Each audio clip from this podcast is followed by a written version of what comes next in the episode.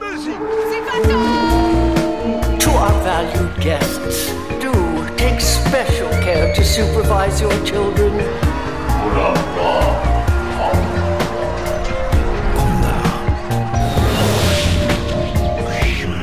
Het is weer ochtend in Pretparkland. Goedemorgen pretparkland en welkom bij je ochtendelijke pretpark podcast. Mijn naam is Erwin Taans en Dennis Jans en ik neem je vandaag mee naar het frappantste land.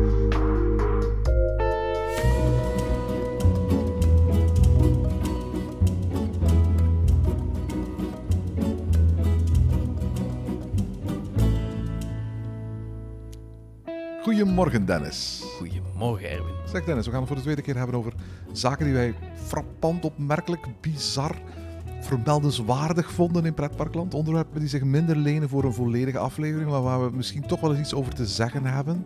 Ehm, en ook dingen waar we in een grabbelton niet zomaar vragen over binnenkrijgen. En om zo af en toe ons eind kwijt te kunnen, hebben we deze occasionele reeks in het leven geroepen. We gaan het dus hebben elk over drie zaken die de afgelopen weken, maanden in pretparkland naar voren zijn gekomen en die wij frappant vinden. Ik denk dat je maanden mag gaan zeggen, hè, want het heeft langer geduurd sinds onze vorige aflevering dan ik dacht dat het ging duren. Wanneer was onze vorige aflevering? Ergens begin van het afgelopen seizoen? Ja, begin 2022. Ik denk dat het net de start van het seizoen geweest was of zo. Dat we de eerste pretparken al bezocht hadden. De eerste lentezon kwam al zo langzamerhand door. Die setting is nu een klein beetje anders, maar het is een hele tijd geleden. We nemen dit nu op zo eind januari, in zo'n beetje de, de dode periode in pretparkland. De meeste pretparken die niet jaar rond open zijn, zijn op dit moment gesloten. Her en daar weten we dat er aan, aan attracties wordt gebouwd. Over de rest is het heel stil, ook qua nieuws eigenlijk. Hè? Hm, We maken het zelf moeilijk eigenlijk, wil je zeggen. Goh, we vinden wel dingen om over te praten. En in elk geval de dingen die ik op mijn lijstje heb geschreven zijn dingen van voornamelijk Amerikaanse parken. Dus dat is natuurlijk wel wat makkelijker. Die zijn altijd open natuurlijk, althans de Amerikaanse Disneyparken. Maar je bent er een tijdje geleden natuurlijk wel in een van die Amerikaanse parken geweest. Dus je hebt wel met je eigen ogen kunnen kijken. Het lijkt alweer zo lang geleden. En on- ondertussen heb ik al een nieuwe reis geboekt voor, voor binnenkort. Dus eigenlijk ben ik meer vooruit aan het kijken dan achteruit aan het kijken wat dat betreft. Hm, Dat snap ik ook wel. Maar mijn ogen zijn iets meer gericht naar die parken hier in de buurt, waarvan de meeste toch nog steeds eh, dicht zijn in de winter. En we hebben tegenwoordig veel parken die af en toe eens open zijn in de winter of een winter-event hebben tegenwoordig. Maar eh, de meeste parken zijn nog steeds dicht en het nieuws valt dan ook wat mee. Ja, we hebben het al gezegd vorige keer eh, in onze Grabbelton-aflevering. Volgend jaar opent Walibi Belgium voor de winter. Ondertussen heeft ook Bellewaarde officieel bekendgemaakt dat ook zij weer een winterevenement in 2023 gaan organiseren. Kijk ik enorm naar uit. Ja, en eigenlijk, eh, je zegt daar al iets wat af en toe ook wel mijn wenkbrauw doet fronsen, maar op een lichtere manier. Hè? Want je ziet heel veel parken van dezelfde groep hier, hè? de, de eh, Compagnie de Zalpgroep, die allemaal in de winter open gaan. Toverland doet dat, maar ja, die deden dat altijd al een beetje. Eh, de Plopsaland? Efteling doet dat, Plopsaland doet dat inderdaad. Fantasieland is denk ik tot op dit eigenste moment nog open. Gaat binnenkort dicht, denk ik, tot aan het begin van het seizoen. Maar is op dit moment nog open. Als we dit opnemen, we zijn de laatste dag van januari. Ja, en dan eh, heb je nog Europa Park wat net dicht gaat bijvoorbeeld. En dan vrij binnenkort eigenlijk, over een aantal weken, alweer terug opnieuw open gaat. Eind maart is Ja, dat. en daarom is natuurlijk Rulantica dat eigenlijk nooit sluit. Hè? Of zo goed als nooit, moet ik eigenlijk zeggen. Ja, inderdaad. Dus er zijn steeds meer plekken waar je naartoe kunt, maar je hebt er natuurlijk een hele sector van ja, kleinere, meer lokalere parken die toch geen business zien om eh, in de winter open te blijven, voorlopig toch. Maar mag, mag ik daar even iets over zeggen? Het is nog geen frappantste landopmerking, maar ik mis dat een beetje. Ik mis een beetje die tijd van toen ik zelf een jaar of tien was en de pretparken allemaal sloten ergens eind september, want toen was er nog geen Halloween. En daarna letterlijk voor zes maanden dicht gingen. En dan, dan, dan kon je niet veel anders dan die oude fotoboekjes tevoorschijn halen, je oude folders tevoorschijn halen. Verlangend terugkijken naar, naar, naar wat er geweest was of ja, fantaseren over wat er zou komen dat maakt wel iets bijzonder. Het feit dat je letterlijk elk jaar een, een pretparkloze periode had. En door de komst van de 365 dagen opening van de Efteling is dat natuurlijk een beetje verdwenen. Vooral omdat dat het park is waar ik ook al jaren abonnementhouder van ben. En, en dat eigenlijk mijn belangrijkste pretpark is hier bij ons in de buurt.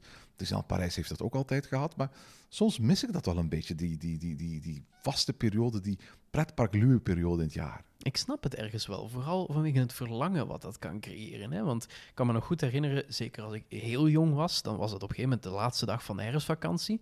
En dan wist ik gewoon, oké, nu gaan alle pretparken dicht. Ja. En je moet wachten tot en met april of eind maart voordat ze opnieuw open gaan. En ook zeker vanaf het moment dat ik zelf pretparkabonnementen kon gaan kopen en wist van oké, dan mag het weer eh, 3 april of zo. Dan, dan gaan ze weer allemaal open en dan is het feest voor een aantal zomermaanden. Die periode is zo'n beetje weg. En zo die eerste dag van het seizoen, ik vier hem ieder jaar nog wel, maar hij wordt zo steeds minder bijzonder. Ik herken dat wel. Voor ons als Efteling-liefhebbers heb je dat niet meer eerste dagen van het seizoen. En zijn die eerste dagen eigenlijk vervangen door momenten dat de Efteling voor het eerst iets nieuws doet. Een nieuw sprookje, een nieuwe attractie, een nieuw evenement, een nieuw stukje entertainment. En natuurlijk, en dat mag ik natuurlijk niet zo hard zeggen, als de Efteling weer zijn grote attractie sluit. Dat zijn van die momenten waar Efteling-liefhebbers samenkomen, samen klitten en gezamenlijk genieten van wat een beetje een eerste daggevoel was van vroeger, 1 april.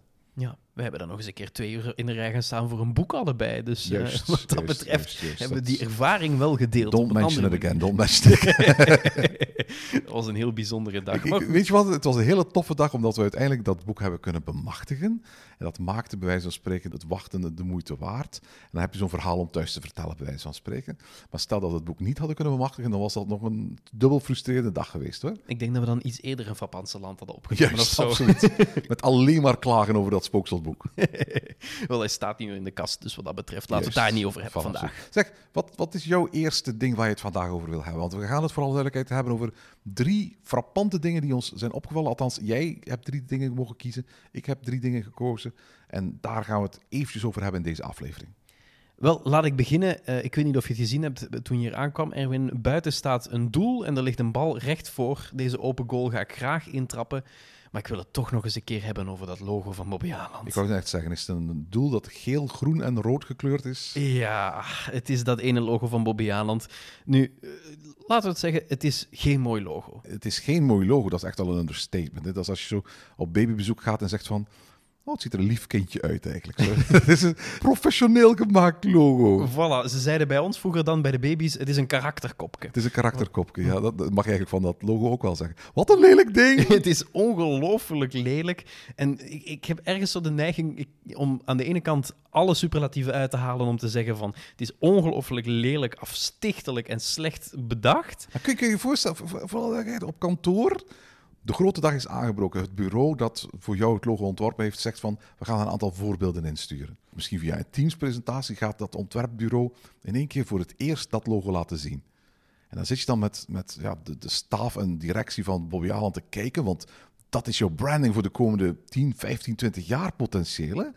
En dan zie je in één keer dat logo. Dan heb je toch maar zoiets iets van, what the fuck? Nee? Ik kon me iets anders inbeelden eigenlijk, want ik kan me niet inbeelden dat Bobby Aanland tegen een bedrijf heeft gezegd ontwerp nu het nieuwe logo en we gaan daarmee gaan. Ik kan me alleen maar voorstellen dat daar een bedrijf is afgekomen met 10, 15, 20 logo's. Daar hebben ze dan het lelijkste van allemaal Dan hebben ze dat eruit gekozen.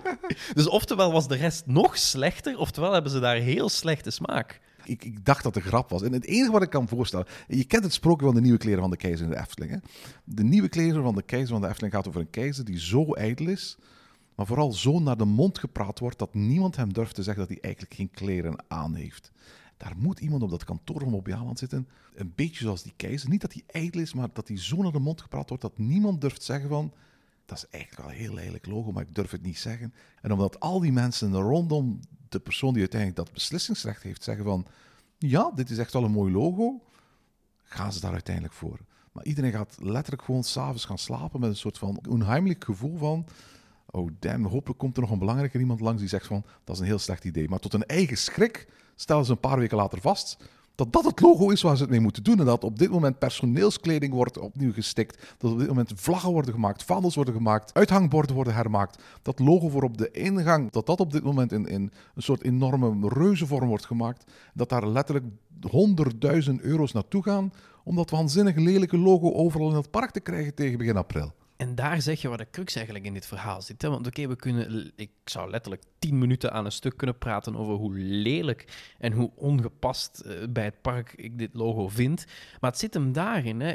Ze passen dit logo aan en dat is een enorme operatie voor het park. En misschien moet ik dan deze vraag terugstellen aan jou, Erwin. Weet je nog wanneer de laatste keer is dat ze het logo hebben aangepast? Ik weet dat nog, dat is, dat is een jaar of twee, drie geleden, maximaal. Dat is 2020 was de laatste keer. We zijn nu 2023. Ze hebben geen twee jaar kunnen draaien met dat logo. Sterker nog, er zaten wat pandemiejaren tussen. Dus ze hebben eigenlijk nog geen twee volledige jaren kunnen draaien met dat logo. Ja, en bovendien, dat logo is nooit volledig ingevoerd. Hè? Als je vandaag de dag gewoon door Bobby wandelt, althans tot in de herfst van vorig jaar, dan zag je nog altijd oudere iteraties van dat logo. En zelfs nog versies van oudere logos van Aland. Dus het is echt nooit volledig ingevoerd. En dat gaat in heel veel dingen, hè? want het gaat niet alleen over dat, dat logo aan de ingang van het park. Het gaat om, om heel wat dingen die je de hele dag door ziet. Hè? Als jij in een restaurant loopt en je hebt placemats, oké, dat zijn dingen die je makkelijk kunt, kunt laten drukken bij een drukker. Maar ja, je moet ze wel weer allemaal nieuw ontwerpen. Je hebt de logo's op de bootjes van een, van een lokvloem, op de treinen van achtbanen. Volgens mij gaan ze daar niet naar kijken. Ik denk het ook niet.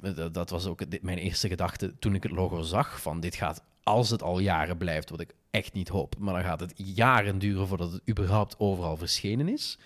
Maar het gaat om veel meer. hè. Het gaat om die personeelskleding, wat een enorme opgave natuurlijk is om daar in alle maten en, en nou ja, kleuren wilde ik niet zeggen, want de kleuren zijn vrij beperkt.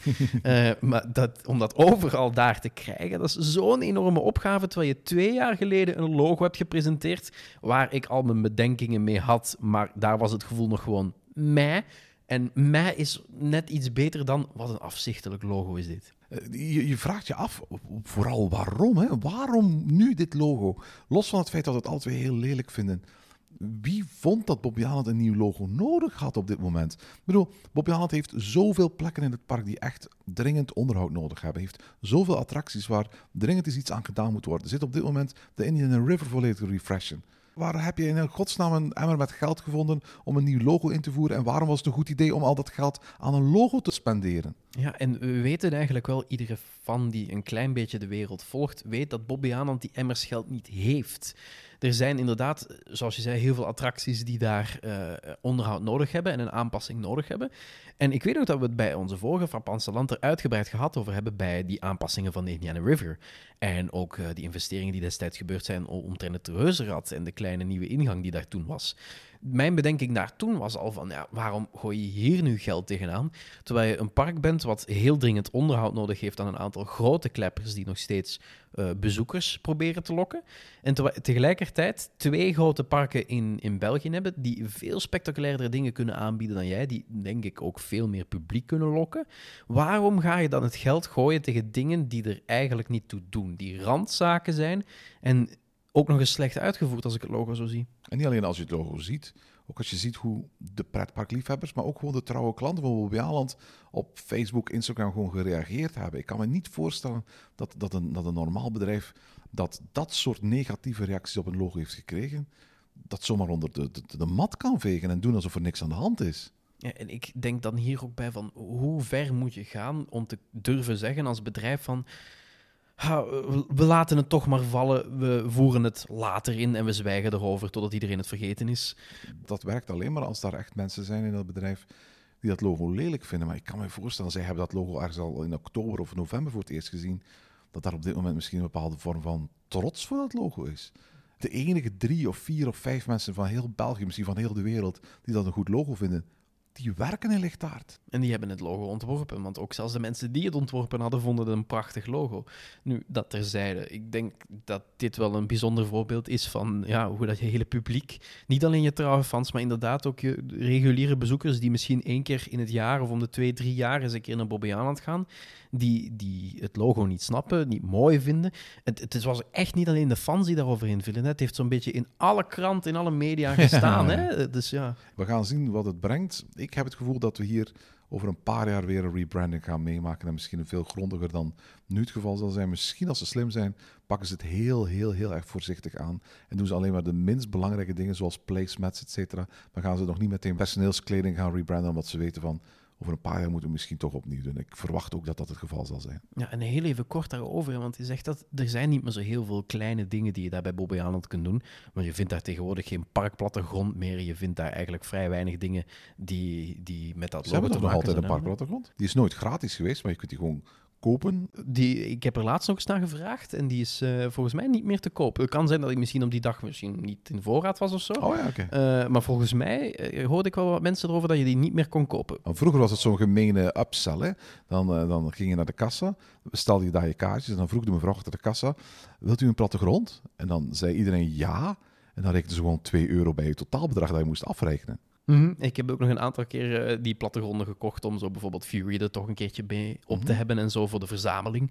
Eh, maar ik, ik had er nog eens een keer om gevraagd en toen was hij er in ieder geval niet. Ik bind me er niet aan vast dat het nooit meer gaat zijn, maar ik dacht in ieder geval wel dat die niet zomaar meer gaan terugkomen. En ja, waarom zou je ook? Tegenwoordig heeft iedereen een app, heeft iedereen Google Maps en Maar wat dat is, heb je dat, dat is een heel andere problematiek natuurlijk. Maar het idee is dat volgens mij, als je in een gemiddeld pretpark rondloopt, als het nu Toverland is, of de Efteling, of Disneyland, of Bobbejaanland, kom je als bezoeker toch heel vaak in contact met dat logo.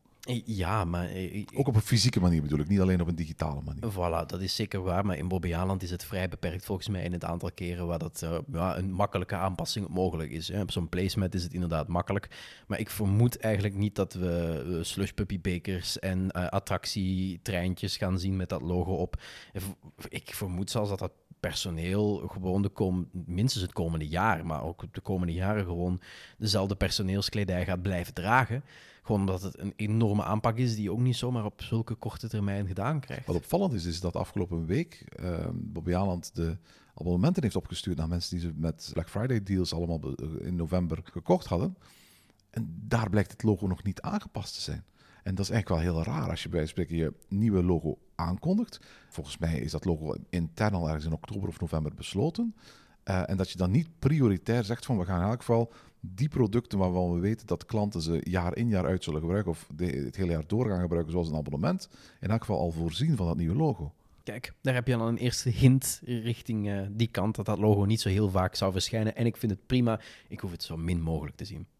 Erwin, dan gaan we misschien eens even naar een, uh, een volgend puntje. Wat is jouw eerste punt wat jouw wenkbrauwen deed fronsen? Wel, wat mijn wenkbrauwen deed fronsen is de sluiting van Splash Mountain. Ah. Dat is een van de drie mountains in de Amerikaanse Disneyparken, naast Space Mountain en Big Thunder Mountain.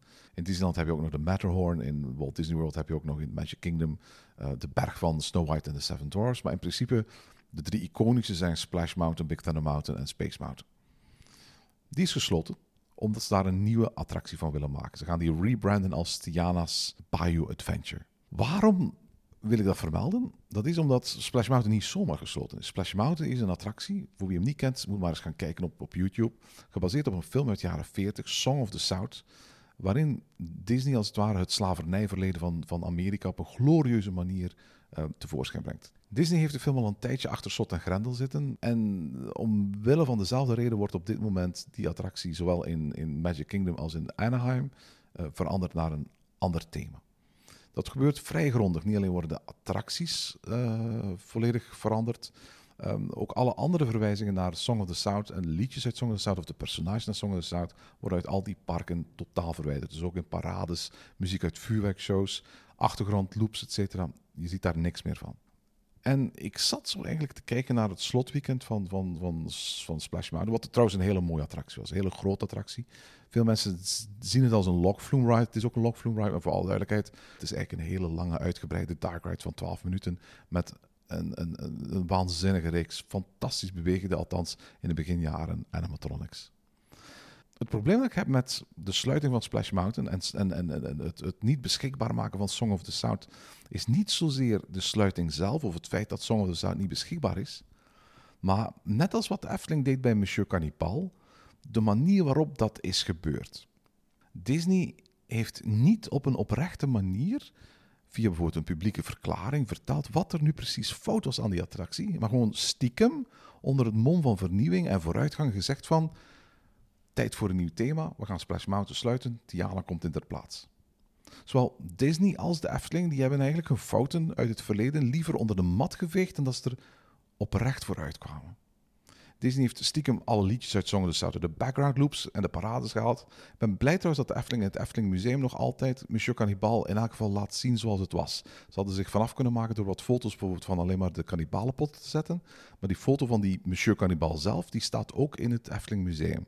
Dat is heel anders dan, dan, dan Disney. Als je bijvoorbeeld het boek bekijkt dat vorig jaar is uitgebracht, het prachtige jubileumboek, naar aanleiding van de 50ste verjaardag van Walt Disney World, dan staat daar geen enkele foto van Splash Mountain in. Geen enkele. Ze wisten toen al dat die zou verdwijnen en ze hebben eigenlijk die al op voorhand gewoon uit het volledige boek verwijderd.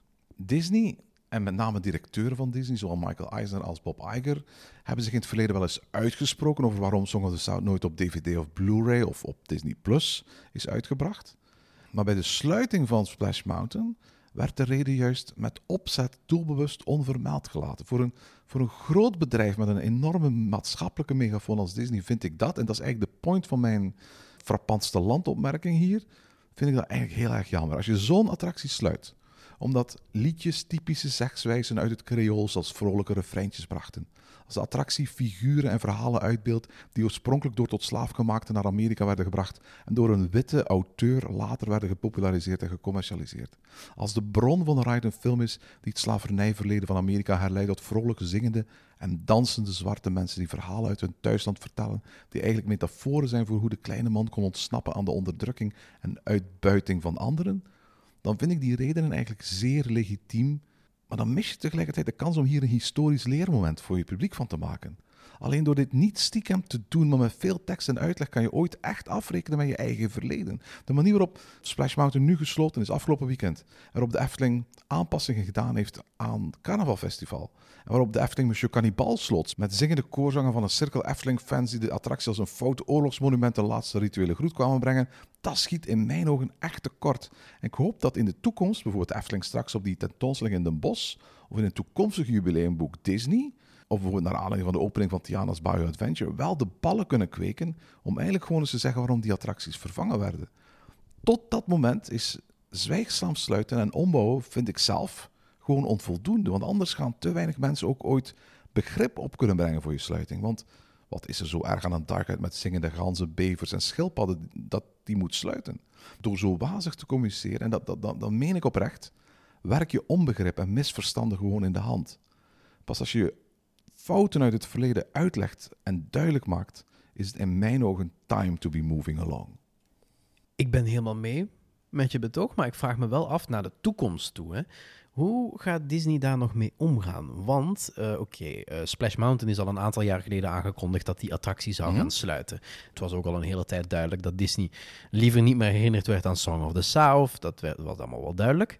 Maar we hebben in de tussentijd bijvoorbeeld ook nog wel eens gezien dat Disney wel eens in de clinch lag als het aankwam op zijn de eh, woke-argumenten of mensen die juist daar heel harde tegenargumenten op hebben. We hebben bijvoorbeeld de kleine clinch gezien die eh, de Disneyparken in Orlando hebben gehad, dan vooral met de staat Florida, als het ging om een Don't Say Gay bill.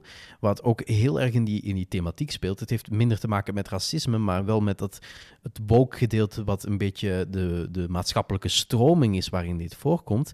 En waar het toch wel een beetje in proeft dat Disney niet zo graag zijn vingers verbrandt hieraan. Dat is het absoluut zo, want voor alle duidelijkheid, Disney heeft nooit letterlijk gewoon de Santis bijvoorbeeld, in het geval van de, de staat Florida, van repliek gedeeld.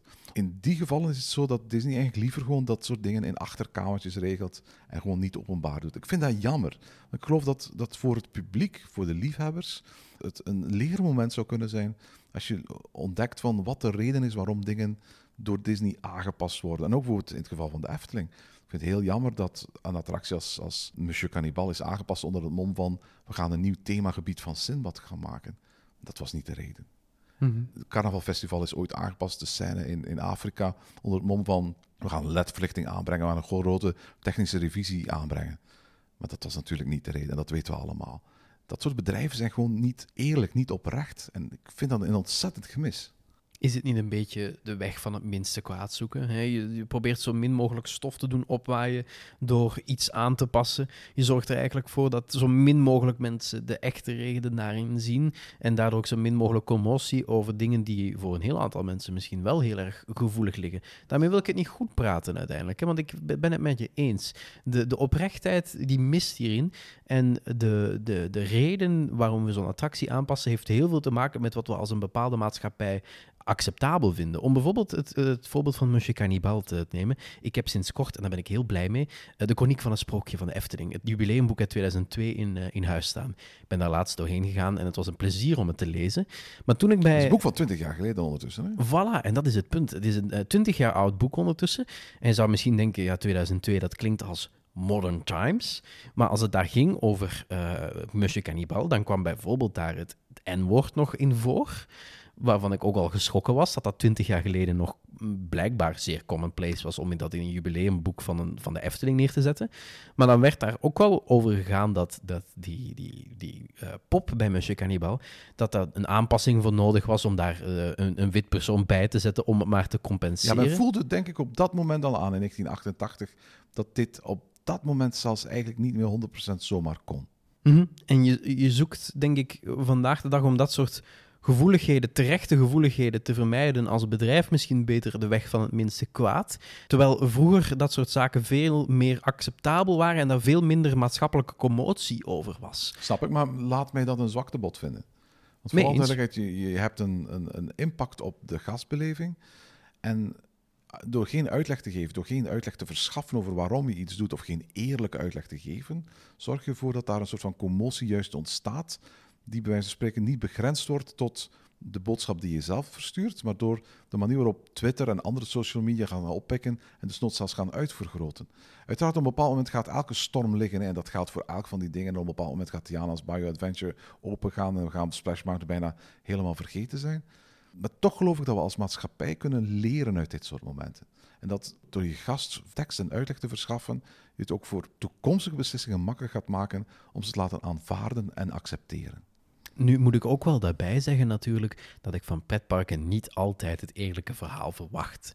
Pretparken zijn wat mij betreft nog steeds commerciële bedrijven die winst halen en ik hoef niet iedere keer het eerlijke antwoord te horen. We doen dit bijvoorbeeld omdat we weer winst willen maken. Maar ik ben het met je eens als je een, iets doet wat een groot maatschappelijk belang heeft, een grote maatschappelijke impact, en tegelijkertijd ook gewoon in een maatschappelijke gevoeligheid heel erg aanraakt, waar dat heel veel mensen iets over vinden. En als je een grote maatschappelijke speler bent, zoals Disney en de Efteling, met een enorm grote impact. Voilà, dan vind ik dat je wel een, een bepaalde eerlijkheid je bedrijf kan sieren, ondanks dat dat een, een, ja, klein littekentje zou kunnen zijn voor je bedrijf op de korte termijn. Ik denk dat het je op de lange termijn wel siert. Uh, en dat dit een van de weinige momenten is dat ik het eerlijke verhaal van een pretpark wel belangrijk vind. En zoals we bijvoorbeeld gezien hebben hoe de Efteling bijna stiekem zijn zwarte pietjes naar, naar roetveegpietjes heeft veranderd op het station op het Sint-Nicolaasplaats. Ook daar vind ik het jammer dat de Efteling daar niet een heel klein woordje van uitleg bij geeft. Gewoon eerlijk zeggen waar het om draait. Ik vind dat voor een bedrijf dat ik bewonder en voor een bedrijf waar ik heel graag klant van ben, een gemiste kans. Het voelt een beetje alsof je een maatschappelijke trend achterna holt hè, op die manier. Je doet iets omdat het leeft in de maatschappij, maar je wilt ook de mensen die het daar grondig niet mee eens zijn ook niet voor de borst stoten. Dus je holt er maar een beetje achteraan op het moment dat het een beetje een, een commonplace gemeenschappelijke opvatting wordt van iedereen. Je kunt daar wel, denk ik, duidelijker en stelliger in zijn. Zeker als het gaat om iets waar je blijkbaar doet omdat je denkt dat het goed is. Alright, Dennis, ik gooi de gloeiend hete ballon terug naar jou. Waar wil jij het over hebben? Wel, het is een, een kleiner dingetje dan de twee dingen die we tot nu toe hebben besproken. Maar uh, ik zag onlangs iets interessants passeren. Ik ben niet de enige die het gezien heeft trouwens. In een uh, jaarverslag van uh, Compagnie des Alpes. Compagnie des Alpes die kennen we natuurlijk als de eigenaar van een aantal skiresorts. Maar voornamelijk ook van een aantal pretparken. Bij ons in de buurt Bellewaarde, Walibi Belgium, Walibi Holland, Park Asterix. Allemaal parken die op dit moment aan het investeren zijn. Maar Walibi Belgium is, dat hebben we eerder al eens in de podcast besproken, een park waar dat we al enkele jaren geleden toch wel een goed beeld van hadden van de toekomst. Die dan een paar keer ja, overhoop gegooid zijn. Maar in het jaarverslag van Compagnie de Zalp zag ik ineens... In 2023 werkt Walibi Belgium aan een nieuwe familieattractie. En toen dacht ik, tja, dat wist ik nog niet. En tja, welke zou dat eigenlijk dan zijn? Want we hebben eerder een aflevering opgenomen over waar destijds het transformatieplan van Walibi Belgium stond.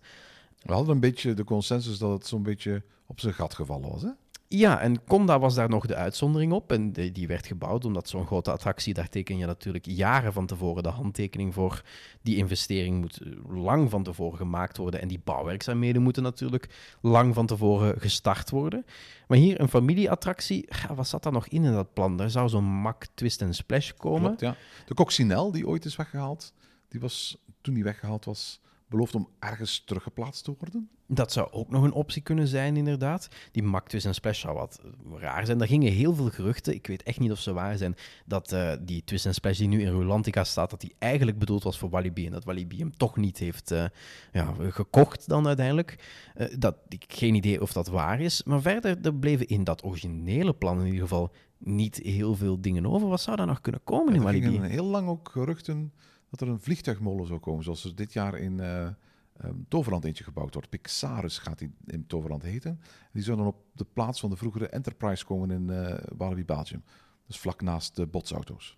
Ja, klopt inderdaad. Nu zie ik dat. Ja, je kunt het als een familieattractie zien, maar ik zie het toch wel vaak als een, als een thrill-attractie. Aangezien je daar wel echt heel vaak over de kop kunt gaan als je er even je best voor doet natuurlijk. Ik weet niet of ik het als een familieattractie zou zien. Oké, goed. We weten nog natuurlijk niet wat er komt, maar wat is jouw definitie van een van familieattractie? Noemen ze een familieattractie? Een familieattractie zie ik als een attractie waarbij de, de hele familie in kan en die kan beleven. Maar dan, dan, dan kom je heel vaak op hele dure attracties. Dark rides, treintjes, pagode-achtige attracties. Eh, dat kan. Zijn er, zijn er molens of dingen die wij spreken heel snel zou kunnen bouwen? Waar de hele familie, inclusief opa en oma, maar ook dochter van vijf, erin zou kunnen? Wel, je hebt natuurlijk, de, de- ieder individueel persoon heeft natuurlijk zijn andere voorkeuren, maar los daarvan zijn er denk ik wel een aantal ja, flat rides, om ze zo dan even te noemen, die geen inherente leeftijdsbeperking hebben of zo. Denk maar aan een theekopjesattractie. Als je daarin zit en je draait niet, dan kan een theekopje best nog wel meevallen. Maar die hebben ze natuurlijk, hè? Salsa Fiesta. Ja, dat is eh, een attractie die ze al hebben bijvoorbeeld. Maar dat is zo'n beetje waar ik aan denk bij familieattractie. Eh, er zullen vast wel opa's en oma's zijn, of zelfs tieners, die denken, oeh, dat is geen attractie voor mij. Maar het is wel eentje waar geen inherente leeftijdsbeperking aan zit. Je moet er niet een bepaalde lengte voor halen, of misschien wel, maar dan zal die zeer beperkt zijn. Eh, en het is ook niet zo dat als je eenmaal boven de 50 bent, om het zo maar te zeggen, dat het allemaal te zwaar voor je wordt. Wat wordt het dan eigenlijk? Ja, dat vraag ik me dus af. Hè. Want wat kan er nog bij dat park bij? Want dat park heeft best wel wat familieattracties, als je er zo naar kijkt. Sowieso heel wat kinderattracties. Hè. Ze hebben twee kindergebieden. Ze hebben eh, twee dark rides, waar dat heel, de hele familie in Ja, kan. goed, we zijn eind januari, Dennis. Er komt geen dark ride meer tegen in april, hè? Nee, dat natuurlijk niet, uiteraard. Eh, maar ja, ik zit zo eens te zoeken naar wat kan er nog bij. Een theekopjes hebben ze al. Er zijn heel wat attracties ook verdwenen, wat me een beetje raar zou lijken als er nu weer bijvoorbeeld, ehm, ja, hoe zou ik het zeggen, een schipschommel zou komen. Lijkt me een beetje een rare investering. Wat zou daar nog in kunnen komen? Ik heb een idee. Zeg het eens. Een reuzenrad. Dat zou ik eigenlijk wel heel tof ik, vinden. Ik vind een reuzenrad een fantastische familieattractie. Je kunt erin als je nu 10 bent of, of, of 50 of 100. En er staat er geen meer. Ik bedoel, het, het bestaat nog. Het ding is opgebouwd in Rotterdam, verdorie. En het staat daar te roesten. En het staat daar te roest. Ik vermoed niet dat dat nog terugkeert. Maar, maar ook een ander uitkijkplatform. Ik kan me voorstellen, zo'n zo'n Eurotower-achtige mast van, van, van Intamin, zoals je ook in het Europa Park hebt staan. Dat kun je wel op een paar maanden bouwen, denk ik. Je hebt wat funderingen nodig en, en iets wat je volgens mij, net zoals een reuzenrad, relatief snel in elkaar zet. En ik zou dat wel fijn vinden in een park als Walibi. Terug een panorama-attractie. En je hebt daar wel wat attracties gehad die natuurlijk verdwenen zijn, die een beetje die functie hadden. Uiteraard het reuzenrad. Maar ook trein? zo een rustige attractie zoals de trein inderdaad. Ik ging het ook net zeggen. Walibi mist nu zo'n beetje die attractie waar dat je relatief snel in kunt stappen en die je wil doen om ook misschien even de rust te vinden. Want daar staan een heel aantal goede topattracties en ik kom er heel graag. Maar je moet ook wel toegeven op dagen dat het een beetje drukker begint te worden, dat je dat toch wel vaak staat en denkt van... Hmm, meer dan een uur wachten voor deze attractie die ik al een keer gedaan heb, of meer dan oh nee, 90 minuten wachten voor de topattractie, dat is het ook niet altijd waard. En dan kun je soms wel eens zo'n momentje op het midden van de dag gebruiken om te zeggen, ik ga even in zo'n treintje zitten of zo. Verwacht je echt een nieuwe attractie of zou ook een herthematisering van een bestaande attractie kunnen gelden als nieuwe familieattractie? Ik zeg maar iets. Stel nu dat ze de Gold River Adventure is een heel nieuw thema geven, helemaal upsprucen. Zou dat gelden als nieuwe attractie volgens jou? Eh, als nieuwe attractie niet helemaal. Nu goed, in zo'n jaarverslag zeg je natuurlijk ook wel de dingen die een investeerder kunnen aantrekken.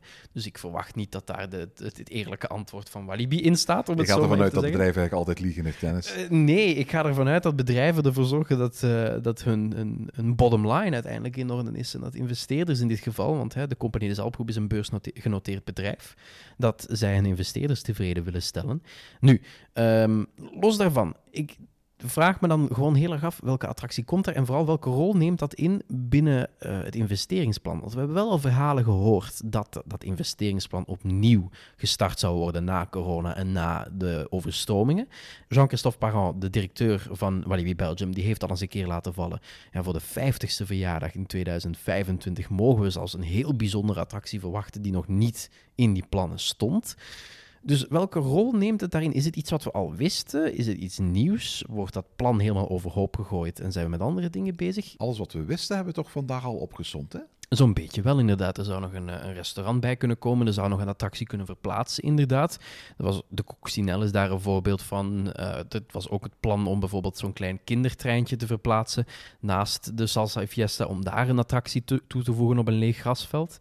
Um, maar voor de rest, inderdaad, verder waren er geen grote plannen meer. Alright, opvallend. Zeg, ik ga het nog even hebben over een andere attractie die niet gesloten is, maar geopend is. Namelijk Mickey's and Minnie's Runaway Railway in um, Disneyland in Anaheim. Een attractie die ik al gedaan heb in Orlando, die daar in min of meer identieke vorm staat in Disney's Hollywood Studios. De attractie heeft heel veel bekijks gehad, want die is afgelopen week geopend. Het is in een no time gebouwd door Disney. Want vooral duidelijk, Disney heeft zo'n beetje de reputatie als altijd heel traag bouwen. Volgens mij hebben ze dit in, in, in minder dan een jaar van nul helemaal op weten te bouwen in Mickey's Toontown. Toen ik er afgelopen augustus was, was Toontown om die reden ook gewoon volledig afgesloten. Dus het hele themagebied, inclusief de andere Dark Ride. Want voor alle duidelijkheid, daar is al een Dark Ride van Roger Rabbit. Die blijft ook behouden. Uh, dus dit is een themagebied dat in één keer twee Dark Rides krijgt. Ik moet eerlijk toegeven, toen ik de attractie voor het eerst deed in Orlando, was ik daar een hele grote fan van. Ik dacht ook wel van, eigenlijk, dit is geen uh, ja, grootste attractie die Disney ooit gemaakt heeft, maar ik vind hem eigenlijk best wel heel erg leuk uitzien. En het ziet eruit als een attractie die ik wel graag zou willen doen. Ja, absoluut. Voor de mensen die de attractie niet kennen, het is een Dark Ride ja, niet schermbeest, want dat zou verkeerd zijn. Het is, het is een attractie waar je alleen maar projecties ziet, maar er zijn ook animatronics, maar ook op het canvas van die animatronics worden beelden geprojecteerd. Het is een, wat Disney noemt een black box ride, wat betekent dat je eigenlijk met een trackless vehicle door een aantal kamers rijdt. Maar dat ze eigenlijk in principe van de ene dag op de andere dag de projecties kunnen aanpassen in die black box en ervoor zorgen dat je eigenlijk een nieuwe scène ziet of een totaal nieuwe ride hebt op een, op een paar weken tijd. Uh, het is de eerste attractie die uh, Disney ooit gebouwd heeft. Echt ride moet ik eigenlijk zeggen. Met Mickey Mouse en Minnie Mouse in de hoofdrol. Dus hun mascottes hebben eindelijk een eigen attractie gekregen. En waarom vertel ik dit? Omdat um, op, op het internet nu heel veel te doen is. Ook door een, een um, post op Twitter van Imagineer Jim Schul. Dat deze attractie ook wel eens naar Disneyland Parijs zou kunnen komen. En de meest voor de hand liggende locatie die daar op dit moment wordt voor genoemd, dat is de Walt Disney Studios. In 2018 is een groot transformatieplan voor de Walt Disney Studios aangekondigd. 2 miljard euro ging Disney investeren in drie nieuwe themagebieden. Een Marvel-themagebied dat ondertussen geopend is als uh, Avengers Campus. Een themagebied rond Frozen, dat op dit moment volop gebouwd wordt. Een aantal kleinere uitbreidingen her en der. En een themagebied rond Star Wars. Nu, omwille van de tegenvallende cijfers van de Galaxy's Edge themagebieden in zowel Orlando als, als Anaheim, lijkt het er een beetje op alsof Star Wars verdwenen is uit, uit de bigger picture daar. En je hoort steeds vaker dat het wel eens zou kunnen zijn dat men in Walt Disney Studios een soort van Toontown-achtig gebied, misschien als een uitbreiding van het huidige Toon Studios, maar dan op een andere plaats, zou kunnen gaan bouwen. En dat dan die attractie van, van Mickey en Minnie daar een prominente plaats in zou kunnen hebben. En ik zou dat jammer vinden. Oh. Wel, de reden daarvoor is niet dat dit een slechte attractie is. Het is een hele toffe attractie. Het heeft ook een hele grote re-rideability. Je kunt die attractie gerust een aantal keren doen. Maar het is geen e-ticket. Het is, het, is, het, is een, het is een opgewaardeerde C- of D-ticket. Het is eigenlijk een soort van Fantasyland Dark Ride, maar iets groter, iets spectaculairder. Maar niemand gaat dit ooit verwarren met een Space Mountain, met een Tower of Terror, met een Rise of the Resistance, met een Phantom Manor of met een Pirates of the Caribbean. Stel dat je die attractie ook bouwt in de Walt Disney Studios, dan kom je in één keer tot het hele rare resultaat dat je daar 2 miljard euro uitgeeft om dat park een totale transformatie te geven, maar dat er eigenlijk niet één grote e-ticket is bijgekomen. Ik bedoel, Spider-Man Webslingers in, in, in uh, Avengers Campus is een toffe attractie, maar dat is geen e-ticket attractie, dat is een, dat is een, dat is een stevige D-ticket. Frozen, ik heb die al gedaan in Epcot en we krijgen een vergelijkbare attractie. Dat is een hele toffe attractie, een hele mooie attractie en die gaat absoluut zijn fans hebben. Maar om dat een e-ticket te noemen, dat is onvergelijkbaar in grootsheid en aanpak met grotere darkers als Pirates of the Caribbean of zelfs Rise of the Resistance. Stel nu dat je daar ook nog eens Mickey's en Minnie's Runaway Railway gaat bouwen, dan heb je daar eigenlijk wat attractiecapaciteit niet zo gek veel toegevoegd voor 2 miljard euro. Maar ook qua grootsheid en aantrekking denk ik dat dat een beetje gaat tegenvallen. Ik bedoel, vandaag de dag praten we nog amper over Avengers Campus. Die hype is voorbij. Dat is niet de grote, spectaculaire attractie die mensen tot op de dag van vandaag naar, naar, naar Disneyland Parijs lokken. Dat zijn nog altijd de e-tickets die in 1992 zijn geopend. En een beetje later denk maar aan Tower of Terror voor de Walt Disney Studios. Dus je zou die zelfs in Toon Studios kunnen bouwen in, in de Walt Disney Studios als een soort van extraatje. Maar ik zou het lot dat voorbehouden was voor Star Wars niet zomaar vervangen door een Toon Studios met Mickey's en Minnie's Runaway Railway als vervangattractie. Daarvoor vind ik die qua gewicht wat te weinig zwaar doorwegen. Ik zeg niet dat Star Wars er moet komen, ik zeg niet dat er een Rise of the Resistance attractie moet komen, maar ik zou, ik zou geen Toontown met dit soort attractie plaatsen, want daar verwacht ik echt toch een grote e-ticket. Daar moet Disney echt een grote e-ticket bouwen. En wat nu, ik zat te denken toen ik deze attractie zag, ook in Californië, en ik dacht, oh, het is toch wel weer een leuke attractie. Maar het is een leuke attractie, absoluut. Ja, dan dacht ik van, kunnen we dat niet misschien in dat andere park plaatsen, wat wel echt heel lang geen nieuwe attractie meer heeft gehad? Het Disneyland Park. Misschien zo in de hoek zo waar Casey Jr. nu zit. Ik weet niet of daar de plaats voor zou zijn voor die attractie.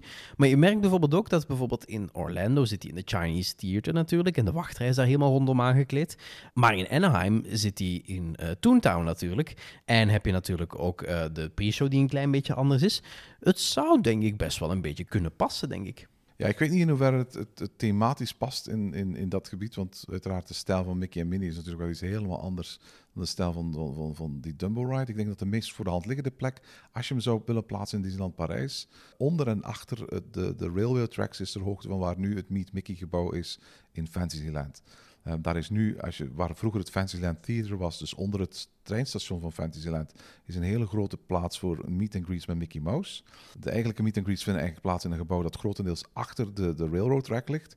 En in principe zou je daar onbeperkt kunnen gaan uitbreiden naar een veel groter gebouw zetten, waar dan een dark ride in past.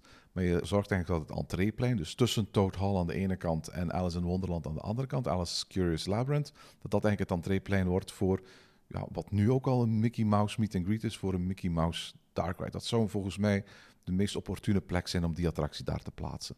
En wat mij betreft mag het er zeker komen. En het zou tof zijn mocht dat zoiets gelijktijdig kunnen gebeuren met de uitvoering van de rest van het transformatieplan van Walt Disney Studios. Om ook duidelijk te maken van, kijk, de extra bezoekers die we lokken door alle veranderingen in de Walt Disney Studios, de dagen dat zij naar Disneyland Parijs komen, zijn zij ook daar extra bezoekers. Dus hebben we daar ook extra capaciteit nodig. Dus gaan we ook daar zorgen voor de extra capaciteit door middel van nieuwe attracties. Wat mij betreft mag het daar gerust komen. Ik ben alleen maar voorstander. Disneyland Park kan een nieuwe attractie gebruiken en deze attractie ziet er heel erg leuk uit.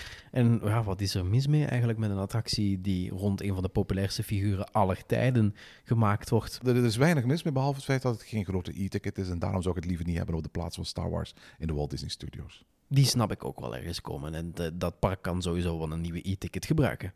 Terug naar jou, Dennis.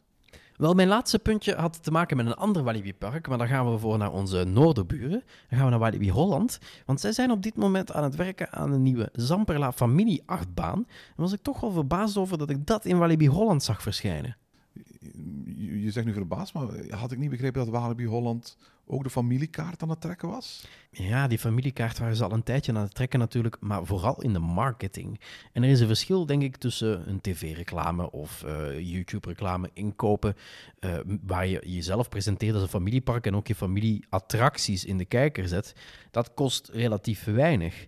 Maar een achtbaan bouwen, oké, dit is een Zamperla-achtbaan, die zijn over het algemeen niet de duurste daartussenin. Het is geen BNM of zo. Maar dat is toch wel een flinkere investering dan je marketingbeleid een beetje aanpassen en je slogan wat aanpassen. Hoor ik je nu weer zeggen dat pretparken liegen? Ik zeg in ieder geval uh, wel dat parken zich kunnen presenteren zoals ze zichzelf willen. Ik ben het vaak aan het verdedigen, deze, deze aflevering volgens Ja, mij, ja, voor de absoluut, pretparken. absoluut, hè. ja, Het, ja. zijn, het zijn bedrijven uiteindelijk, dat mogen we nooit vergeten. Hè. Eh, nee, maar in ieder geval, dit is wel een, een keuze die je maakt in keiharde euro's, eh, die wat groter zijn dan een aantal marketingcentjes. Daarmee wil ik niet denigreren doen naar alle marketingafdelingen op alle pretparken.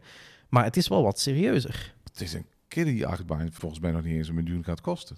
Maar die staat tussen Goliath, de Condor, vreselijke achtbaan, maar goed, trekt nog wel publiek.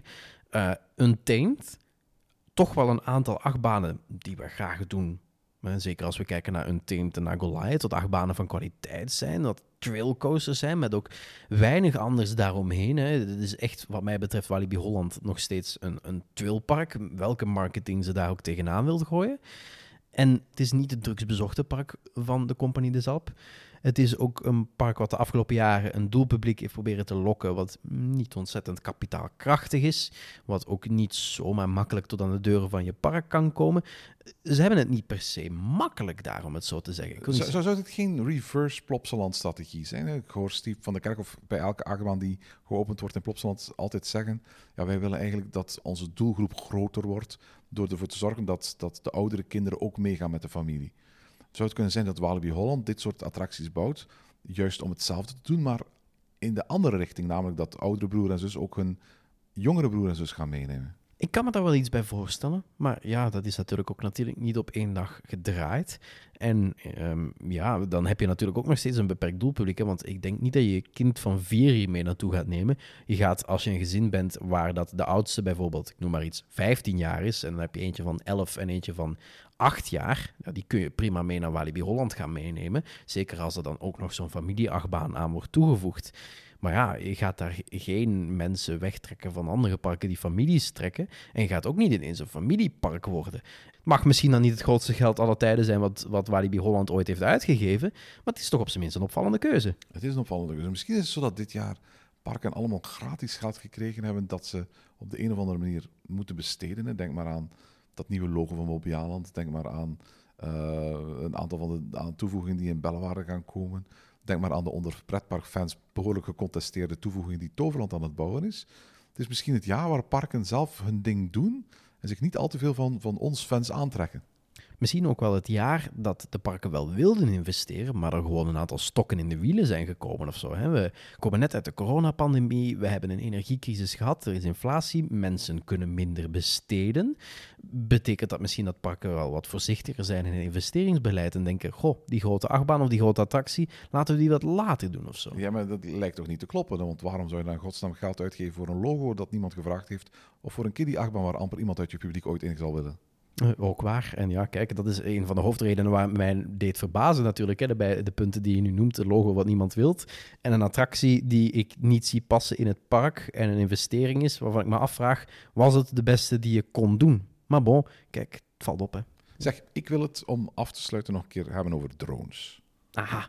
En dat is opvallend, omdat ik in onze eerste aflevering van het Verpanste Land het ook al gehad heb over drones. Toen had ik het over de, de, de, toen pas nieuwe show D-Light, Disney D-Light in Disneyland Parijs. Dat is die drone show achter het kasteel, die zo dat Mickey-logo van het 30-jarig jubileum met 150 drone-lichtjes projecteerde. Ik was daar toen zeer van onder de indruk. En ik zei toen van, ben echt benieuwd naar wat de toekomst gaat brengen van avondspektakels. En het, dit zou wel eens de eerste variant kunnen zijn van een hele reeks nieuwe avondspektakels. Ik kreeg al een beetje een déjà vu en sinds die vorige aflevering heb ik ondertussen ook D-Light gezien en ik was daar ook zeer van onder de indruk. Ja, en eh, ondertussen zijn er een heleboel varianten opgedoken in pretparkland. Zowel bij ons als in het buitenland. Zelfs Europa Park had eh, afgelopen zomer een drone show. Ik, het was heel toevallig. Ik weet nog heel goed, eh, we waren er toevallig op die ene dag in de zomer dat Europa Park eh, tot laat open bleef. Volgens mij was dat tot eh 11 uur s'avonds. En dat, dat was een heel toffe dag. En de avond daarvoor weet ik nog, wij waren daar en wij, fietsten rond in de omgeving van Europa Park om s'avonds een, een cocktail te gaan drinken. En ik, wij fietsten langs zo die weg die langs het park ligt. En we fietsen zo langs Wodan en langs eh, Atlantica Supersplash. En wij zien daar ineens rechts een aantal mensen in het veld staan met een soort eh, wit busje. En meestal levert dat niet zo heel erg veel goeds op. Maar deze keer zag ik daar heel veel dingen in het veld liggen. En dacht ik van, hè, wat zijn dat allemaal? Het waren drones. En inderdaad, de avond daarna, in het park, was er een heel kleine drone show met het, het Euromouse in drones. Zeer veel kleiner dan wat Disney D-Light is natuurlijk. En ook veel minder spectaculair.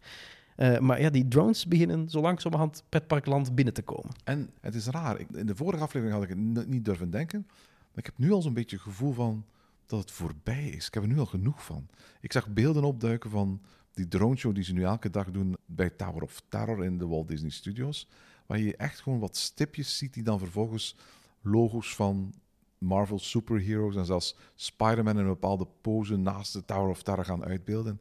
Ik had het gevoel van dat ik echt zat te kijken naar Commodore 64 of Atari-beelden van die stipjes uit jaren 80 computers die met heel veel pixels en kleurtjes vormpjes vormden in de lucht op de sloomste en saaiste manier ooit. En terwijl bij D-Light bijzonder was omwille van het unieke, omwille van het nieuwe en omwille ook van de subtiele manier waarop het gebruikt werd daar, was dit zo in your face dat ik dacht van oh mijn god, ik heb er nu al genoeg van. Laten we stoppen met die drones, voor we het overal zien verschijnen. Maar je hebt natuurlijk ook wel het nadeel dat zo'n drone inderdaad niet zoveel bewegingen kan nog op dit moment. Zeker niet op heel grote schaal. Je ziet dat bijvoorbeeld misschien wel in, in een Dubai of in een Abu Dhabi ergens, waar dat een rijke sheik er mm, heel veel geld tegenaan smijt. Maar dan nog, dan, dan maak je duizend drones of 2000 drones, maar die bewegen natuurlijk net zo traag. En die lichtjes doen niks spectaculairders dan wat ze hier doen. Alleen zijn ze met veel meer echt bijzonder zijn die shows niet hoor. Mhm, ik snap het wel. En ik kan me ook wel voorstellen dat dit misschien zoiets was van eh, de eerste verwondering die heel bijzonder was. De bijzondere backdrop die natuurlijk dat kasteel geeft. Absoluut, ja. Eh, misschien, ja, het enige wat ik dan nog zit te denken van hoe zou je dit kunnen oplossen? Misschien moet je drones gewoon gaan zien als een soort element in zo'n avondshow, wat slechts een deel is van. Hè. Je ziet dat nu ook, de, de komende weken heb je nog een paar weken Illuminations in Disneyland Parijs, waar je een show hebt waar dat projecties, waterfonteinen, vuurwerk, lasers, eh, lichten, alles door elkaar heen zit. En het misschien juist de combinatie is, als je daar nog bijvoorbeeld een show maakt met drones en de muziek die erbij zit, die past dat er dan wel iets meer in zit en dat je drones gaat zien als een element daarin. Ja, en dat is het misschien inderdaad. Dat, dat die drones op dit moment vooral ingezet worden omwille van de innovativiteit, het nieuwheidseffect die het creëert bij mensen om, om al die lichtjes in één keer in de lucht te zien. Iets wat mensen nog niet kennen. Maar dit, dit valt niet vol te houden. Over vijf jaar heeft elke bezoeker dat gezien en is het nieuwe er totaal vanaf. Het is een beetje dat VR-effect op achtbanen. In het begin vond iedereen dat wel eens bijzonder om uit te proberen. En vandaag de dag is zo'n beetje elk park dat er ooit mee begonnen is er al mee gestopt. Ik weet dat Disney een patent heeft op een, een, innovatieve techniek om daar nog veel meer mee te doen. In dat geval gaan ze een soort van net met allemaal uh, ledlichtjes uh, door een aantal drones naar boven weten te brengen. En dan kunnen ze eigenlijk honderden ledlichtjes tegelijkertijd uh, in de lucht aansteken, zonder dat ze daar honderden drones voor nodig hebben. Daar gaan we waarschijnlijk wel varianten van gaan zien. Maar die majestueuze avonden in Orlando, uh, waarbij ik met open mond van verbazing zat te kijken naar steeds weer spectaculairdere vuurpijlen die achter het kasteel van Cinderella Castle werden afgeschoten, die mogen niet weggaan. Ik zou het zonde vinden als ik gewoon naar, naar, naar lichtstipjes in de lucht aan het kijken ben in plaats van naar spectaculaire vuurpijlen. Ja, en ik ben wel nog blij om Disney D-Light hopelijk dit jaar nog een keertje te kunnen gaan zien, want ik vond het wel een heel toffe show. Je hebt natuurlijk dat nummer, hè, Mont qui s'illumine, die daarbij zit, wat die de hele dag door het park hoort. Maar ook nog een stukje uh, variatie daarop met uh, wat extra muziek en wat projecties die erbij zitten, die best wel tof zijn. Je kunt drones de lucht in doen en je ziet lichtstipjes en bon, dat is het. Uh, en dat is een beetje hoe dat het in Europa Park leek gedaan te zijn. Maar je kunt daar veel meer mee doen. Hè. Je kunt dat in shows gaan verwerken. Je kunt dat uh, bij het vuurwerk gaan toevoegen als een soort extra. Je kunt denk ik ook veel meer gaan werken met uh, de, de plekken waar mensen naartoe kijken. Hè. Waarom moet je alleen maar naar het kasteel toekijken als je in de tussentijd ook bijvoorbeeld eens naar links en naar rechts kunt kijken waar je dan ook dingen zou kunnen zien. En dat is ook al vaker gebeurd natuurlijk bij Disney-shows waar dat een, een, bijvoorbeeld als iemand van het kasteel af, af vliegt, zeg maar. Elke dag in Orlando en, en, en nu ook in Anaheim, hè? Ja, voilà. En dat soort dingen zijn inderdaad gewoon, ook gewoon mogelijk, hè? Om meer te werken met meer verschillende kijkhoeken, met uh, kijklijnen die bezoekers hebben. En dan wordt het misschien ook nog wel wat extra spectaculair, maar je moet er wel voor zorgen dat iedere show die je daarna toevoegt, wel iets meer heeft dan gewoon van, ah ja, kijk, we hebben drones, want ja, die nieuwigheid, die gaat er rap vanaf. Ja, het bijzondere van D-Light is eigenlijk dat als je een bezoek brengt aan Disneyland Parijs vandaag, dat je eigenlijk van, van, van s ochtends, van bij je eerste bezoek, geconfronteerd wordt met, met dat majestueuze, fantastische en bewierookte logo voor 30 jaar Disneyland Parijs. Het staat op je ingangstickets afgedrukt, het staat op alle vaandels die je op weg naar het Disneyland Hotel tegenkomt. De hele dag door word je eigenlijk geconfronteerd met dat logo van 30 jaar. En aan het eind van de dag, als een soort van apotheose, zie je dat logo dan in één keer, dat je al honderden keer hebt voorbij zien komen, op de grootst mogelijke manier, op het grootst mogelijke canvas dat je maar kunt bedenken. En dat geeft een soort van extreem gevoel van, van voldoening, dat ik eigenlijk niet kan hebben als een willekeurig Marvel-figuurtje in één keer at random verschijnt aan de lucht. Ja, ik snap het wel inderdaad. En het beste voorbeeld van dat 30 jaar logo is door te zeggen dat ik vorige week, anderhalf jaar na de introductie, nog iemand heb leren kennismaken met dat logo en de briljante truc erin heb laten zien. En dat, dat zit daar mede in. Hè? Dat je een goed logo hebt wat daar verschijnt op een prachtig canvas, wat dat kasteel is. Ook in de avond en zeker met die projecties erbij en met de fonteinen erbij, de muziek die klopt. Dan klopt zoiets. Maar ik denk inderdaad dat je in de toekomst dat moet gaan zien als een element van. En parken bij ons, als jullie op dit moment bezig zijn met het bedenken hoe je Kabouter Plop en Samson en Marie in dronevorm boven je parkingang te krijgen, of bijvoorbeeld het gloednieuwe logo dat zowel de hoed van Bobbejaan uh, illustreert als uh, het, het, het, groene van het park in drones op bepaalde dagen in de lucht boven het lichthart wil laten zien. Stop daarmee. Dat is, dat is geen goed idee. Dat is, dat is, dat is saaie kost. Bin there, done that. En in dat geval, ik zou het ook niet combineren met een vuurwerkshow, want ik heb daar al een keer een vuurwerkshow gezien. Daar was ik ook niet echt van onder de indruk. Dus laten we dat gewoon vermijden in ieder geval. Voilà, ik denk dat we er zo'n beetje doorheen zijn. We hebben al elk onze drie stellingen gehad. Drie frappante stellingen die allemaal toch hun voet hebben in uh, de actualiteit en waar we de komende weken en maanden het nieuws van Pretparkland over zullen kunnen volgen hoe het verder zal gaan met elk van deze zes topics. En dat blijft het leukste uiteindelijk eruit. Hè. Deze hobby sowieso. Het is altijd dat kijken naar de toekomst. Je kunt maanden kijken naar de bouw van een attractie, maar op een gegeven moment staat hij er en dan is de vraag: what's next? De toekomst blijft altijd nog zoiets interessant om te blijven volgen, ook al zijn sommige besluiten van sommige parken een beetje raar. En tot zover deze aflevering van Ochtend in Pretparkland. Volg ons via het Pretparkland op Twitter, Instagram en Facebook of mail naar ochtend.pretparkland.be. Ochtend in Pretparkland is de pretparkpodcast voor vroege vogels. Bedankt voor het luisteren en maak er een fijne dag van.